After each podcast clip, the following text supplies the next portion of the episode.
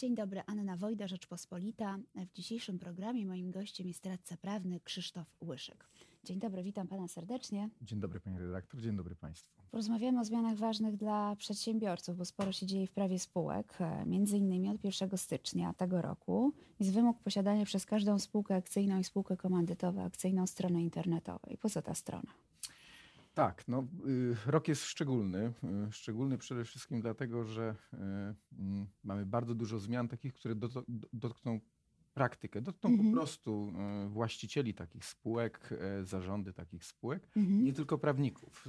Każdego roku mamy zmiany w KSH które wprowadzają e, jakieś nowości, ale to są takie nowości głównie dla prawników. Zmienia się coś w, w kwestiach proceduralnych. A oni sobie muszą tych rzeczy pilnować. Prawnicy tak? sobie z tym radzą.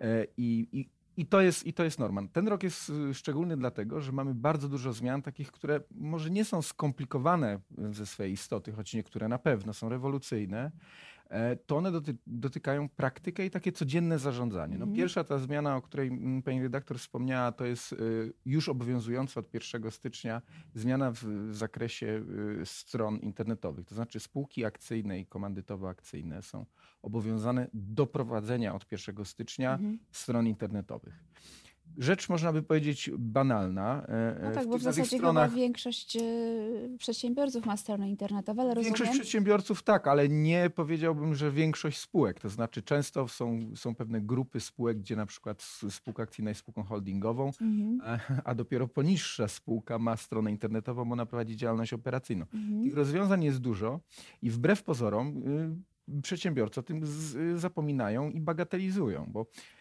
istotą w ogóle tego obowiązku to jest stworzenie takiego kanału komunikacji z akcjonariuszami. E, I okazuje się, że ten obowiązek dotyczący prowadzenia tej strony przeznaczonej właśnie do komunikacji z akcjonariuszami, czyli de, de facto w praktyce takiej podstrony e, mhm. na stronie internetowej spółki, jest bardzo istotny ponieważ może zaważyć o ważności danego walnego zgromadzenia i podejmowanych na nim uchwał. Oczywiście przedsiębiorcy, póki nie zabierają się do przygotowywania walnych zgromadzeń, mm -hmm niekoniecznie zdają sobie sprawę z tego, jak ważny jest to obowiązek. Potem po prostu może być za późno, żeby pewne, mm. pewne e, zadania wykonać. Czyli jeśli ktoś jeszcze tego nie zrobił, to powinien się pospieszyć. Tak, na pewno, na pewno, ponieważ w ogóle y, y, ta kwestia y, strony internetowej to jest taki wstęp do innych zmian, mm. do których ona jest narzędziem. Bo oczywiście mamy te, te, te, te zmiany dotyczące organizacji walnych i konieczność ogłaszania takich walnych nie tylko w monitorze sądowym gospodarczym, jak to było do tej pory, ale także na stronie internetowej. Mm. Natomiast w dalszej części roku wchodzą, wchodzą przepisy dotyczące e, dematerializacji akcji i tam znowu ta e, strona internetowa i ta obecność w internecie będzie bardzo spółkom potrzebna. To skoro Pan wspomniał o dematerializacji akcji, to powiedzmy, bo tam jest sporo terminów, e, tak, tak, o tak. których e, przedsiębiorcy będą musieli pamiętać i sprostać no, pewnym wymaganiom. To powiedziałbym nawet więcej. To jest nie tylko zagadnienie dla przedsiębiorców, czyli, czyli osób, które mhm. de facto prowadzą spółki akcyjne czy komandytowo-akcyjne, gdzie mamy do czynienia z akcjami, ale też dla akcjonariuszy. I to jest w mojej ocenie bardzo y, y, szeroka grupa, bo, bo tak naprawdę y, to ich najbardziej dotykają zaniedbania dotyczące tego mhm. procesu dematerializacji, ponieważ w wyniku niedopełnienia pewnych obowiązków e, mogą oni nie utracić pewne prawa udziałowe w spółkach akcyjnych, co jest oczywiście no, po prostu czymś bardzo niekorzystnym. Jeśli chodzi o, mm, y, o dematerializację, to mamy takich kilka y, kluczowych dat. Mhm. Y, to jest tak naprawdę połowa roku, czyli końcówka czerwca. To jest pierwszy taki moment, o którym zaraz powiem. Kolejny mm, to jest, to jest końcówka roku, to jest, to jest powiedzmy koniec października pojawiają się wtedy kolejne obowiązki. No i już tak, mhm. taki punkt kulminacyjny to jest 1 stycznia 2021 roku, kiedy te akcje, y, do, które są w formie dokumentowej, one po prostu e, przestanią istnieć i zamieniają się w tak zwane akcje rejestrowe. Ale wracając do tego 30, mhm. 30 czerwca. Do 30 czerwca e, musimy dokonać kilku ważnych czynności przygotowawczych. Po pierwsze, spółka musi, i to też może zabrzmi mhm. trywialnie, ale wydać dokumenty akcji. To znaczy ja w mojej praktyce zawodowej spotkałem się, proszę mi wierzyć, bardzo wiele razy z sytuacją taką, że spółka Mhm. akcyjna została zawiązana, Mhm. E, Wszystko świetnie działało, oprócz tego, że nikt nigdy nikomu nie wydał akcji w formie odcinka zbiorowego w formie papierowej. No to może być trudne. I teraz mamy mnóstwo spółek, które tego obowiązku zaniedbały. I one ten obowiązek powinny dopełnić właśnie w tym terminie do y, 30 czerwca, czyli wezwać Mhm. swoich akcjonariuszy do odbioru tych odcinków zbiorowych czy akcji, e, e, żeby ten temat y, uporządkować. E, Kolejna rzecz, która tu musi się wydarzyć, to musi być uchwała walnego, która Mhm. e, e, y, która będzie niejako wyborem y, firmy, czy de facto domu maklerskiego, który będzie Który prowadził będzie dla spółki mhm. rejestr akcjonariuszy. I to też trzeba z, y, o tym pamiętać. Wszyscy, myślę, że taki, taki, y, taki pik, nazwijmy to, szczyt y, zainteresowania tym tematem będzie przy okazji zwyczajnych walnych, kiedy wszyscy Mhm. nagle sobie przypomną w Że jeszcze czerwcu, trzeba coś takiego że zrobić. jeszcze trzeba Mhm. coś takiego zrobić, więc trzeba będzie nie dość, że wybrać tą firmę, e, uzgodnić z nią warunki współpracy, zawrzeć umowę, to jeszcze mieć uchwałę na to wszystko Mhm. walnego y, zgromadzenia. I jest jeszcze jeden obowiązek, a mianowicie jak już wydaliśmy wszystkim akcjonariuszom te akcje, to teraz musimy ich wezwać po raz pierwszy Mhm. do y, y, zwrócenia tych akcji spółek, w spółce, czyli ich zdeponowania. I to jest to wszystko. Najpierw dajemy, potem do- zabieramy, tak? Najpierw dajemy, potem zabieramy. E, Także jak już zawiadomimy pierwszy raz, e, to jest tylko początek e, e, e, trudności, bo potem musimy zawiadomić tych akcjonariuszy jeszcze cztery razy, czyli Mhm. łącznie mamy pięć, e, pięć Takich e, zawiadomień. Pięć zawiadomień do akcjonariuszy. I tutaj wraca ten temat właśnie komunikacji e, za pomocą strony internetowej, bo to jest jakby kwestia po pierwsze monitora sądowego i gospodarczego, Mhm. ale też komunikacji za pomocą strony mm, y, www i no znów, jeżeli nie będzie tej strony albo ona nie będzie zgłoszona Mhm. do KRS-u, no to mogą powstać wątpliwości, czy te zawiadomienia zostały wykonane prawidłowo. Czyli ten obowiązek posiadania strony internetowej nie jest tak do końca bezzasadny. Nie jest bezzasadny, no to, to jest w ogóle jakby koncepcja, koncepcja digitalizacji. No zmierzamy w kierunku y, uproszczenia, czy z, y, od y, uniknięcia jakiejś Mhm. zbędnej papierologii tych procesów, takich bym powiedział, korporacyjnych spółkach akcyjnych. To jest kierunek co do zasady dobry, natomiast no, to proszę mi wierzyć, jakby ta dematerializacja jest procesem niezwykle trudnym Mhm. e, i tak na ile ja y, pracowałem na tych przepisach, mam wrażenie, że będzie jeszcze dużo trudności przed nami związanych z ich zastosowaniem i też w- praktyce ich funkcjonowaniem. Na, na szczęście jest trochę... Na szczęście jest trochę czasu, żeby się do tego przygotować, ale rzeczywiście lepiej Tak. nie zostawiać na ostatnią chwilę. Zostawmy natomiast już w spokoju demateri- dematerializację akcji. Porozmawiajmy o prostej spółce akcyjnej, bo miała być, a chyba nic z tego nie wyjdzie, przynajmniej od 1 marca. No, ja przyznam szczerze tak. No, no, trochę żałuję, bo y, y, przyznam szczerze, że, że sam chciałem taką prostą spółkę dla własnych potrzeb założyć y, i, i, nawet pewne decyzje mm, takie biznesowe odsuwałem w czasie, czekając jakby na tą Mhm. spółkę. Teraz, teraz pewnie to się nie uda. E, Natomiast, no, tak jak patrzyłem na ten proces ustawodawczy, ponieważ no, termin wejścia w życie już jest określony w, w ustawie, która została uchwalona, która już jakby weszła w życie, to jest ustawa zmieniająca y, Mhm. kodeks spółek handlowych, zdaje się, z sierpniowa zeszłego roku.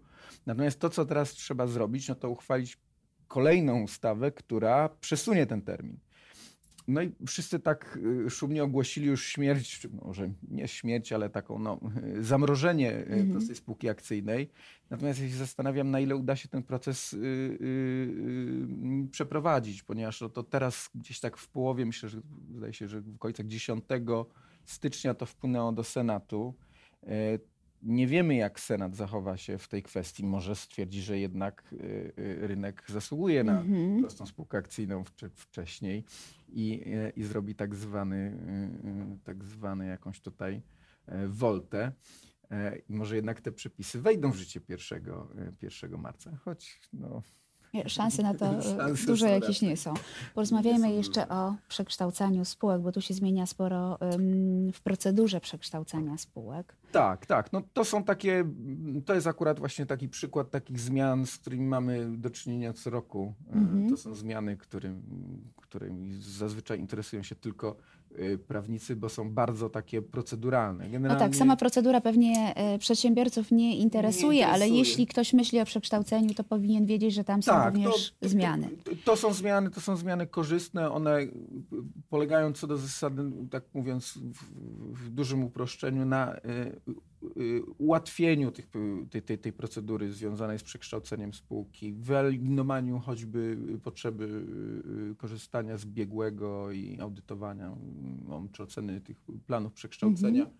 No często te, to, to po prostu mm, był, była dodatkowa, niepotrzebna trudność i jakiś taki obowiązek, który niekoniecznie, mm, niekoniecznie był komukolwiek potrzebny, bo często te przekształcenia nie są czynnościami, które budzą jakiekolwiek y, kontrowersje, jest pełna zgoda, mhm. pełna zgoda wspólników y, i po prostu trzeba mm, coś zmienić z, z jednej formy w inną i tyle. Także no jest to procedura, która ułatwi, e, także no, tym, te osoby, które planują przekształcenie, no na pewno warto na to poczekać. No i to mam nadzieję, że tutaj już się nic nie zmieni i te przepisy wejdą e, pierwszego 1 e, marca. E, to, co e, z obszaru prawa spółek jeszcze wydarzy się w najbliższym czasie, o czym może nie wydarzy, a o czym należy mhm. pamiętać, to jest jeszcze jedna data, 13, 13 kwietnia. Mhm.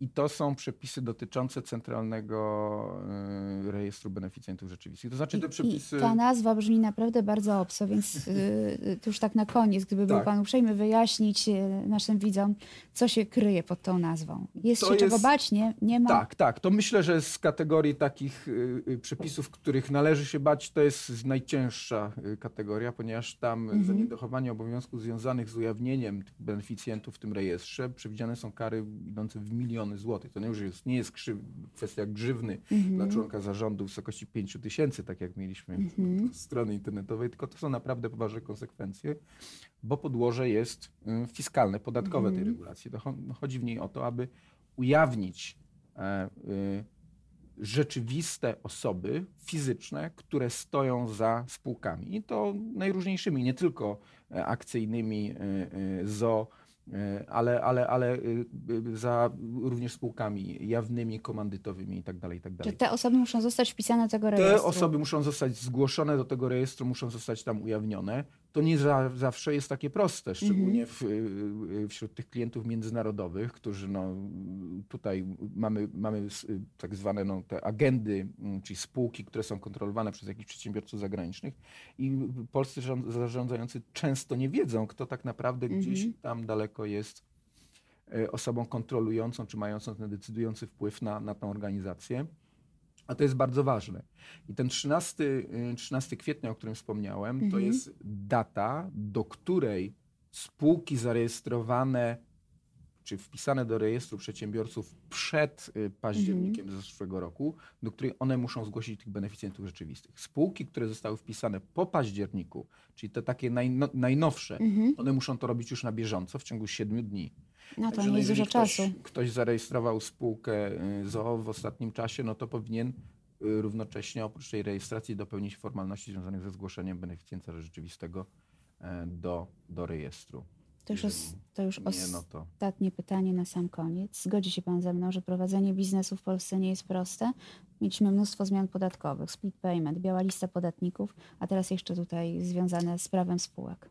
Tak, tak. To znaczy, no, no rzeczywiście jest, jest tego wszystkiego bardzo dużo. Y, y, ja osobiście trochę.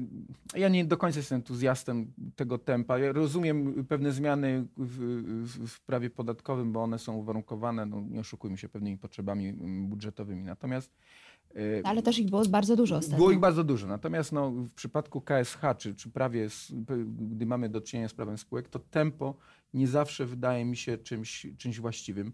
No, kwestia dematerializacji to jest, bym powiedział, wycofanie się z pewnych takich reguł, które obowiązywały no, niemalże 100 lat e, w, w, w gospodarce i w polskim życiu takim mm-hmm. gospodarczo-prawnym, nazwijmy to.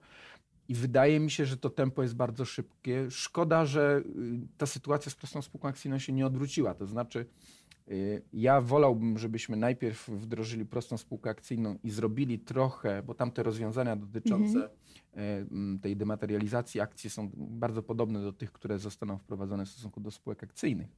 Żebyśmy zrobili taki trochę poligon na prostej spółce akcyjnej, zobaczyli jak to działa, a, A dopiero, dopiero potem. potem Mhm. robili rewolucję w spółkach akcyjnych, ponieważ one są no, niepotrzebnie narażane na, na, na jakieś niebezpieczeństwa, a wydaje mi się, że trochę tam tych niebezpieczeństw się w tych nowych przepisach czai. No cóż, to nie będzie pierwszy raz, kiedy pewne rozwiązania są testowane na żywym organizmie. Serdecznie panu dziękuję za rozmowę. Dziękuję. Państwu również dziękuję. Moim gościem był Krzysztof Łyszyk, radca prawny. Zapraszam na kolejny program.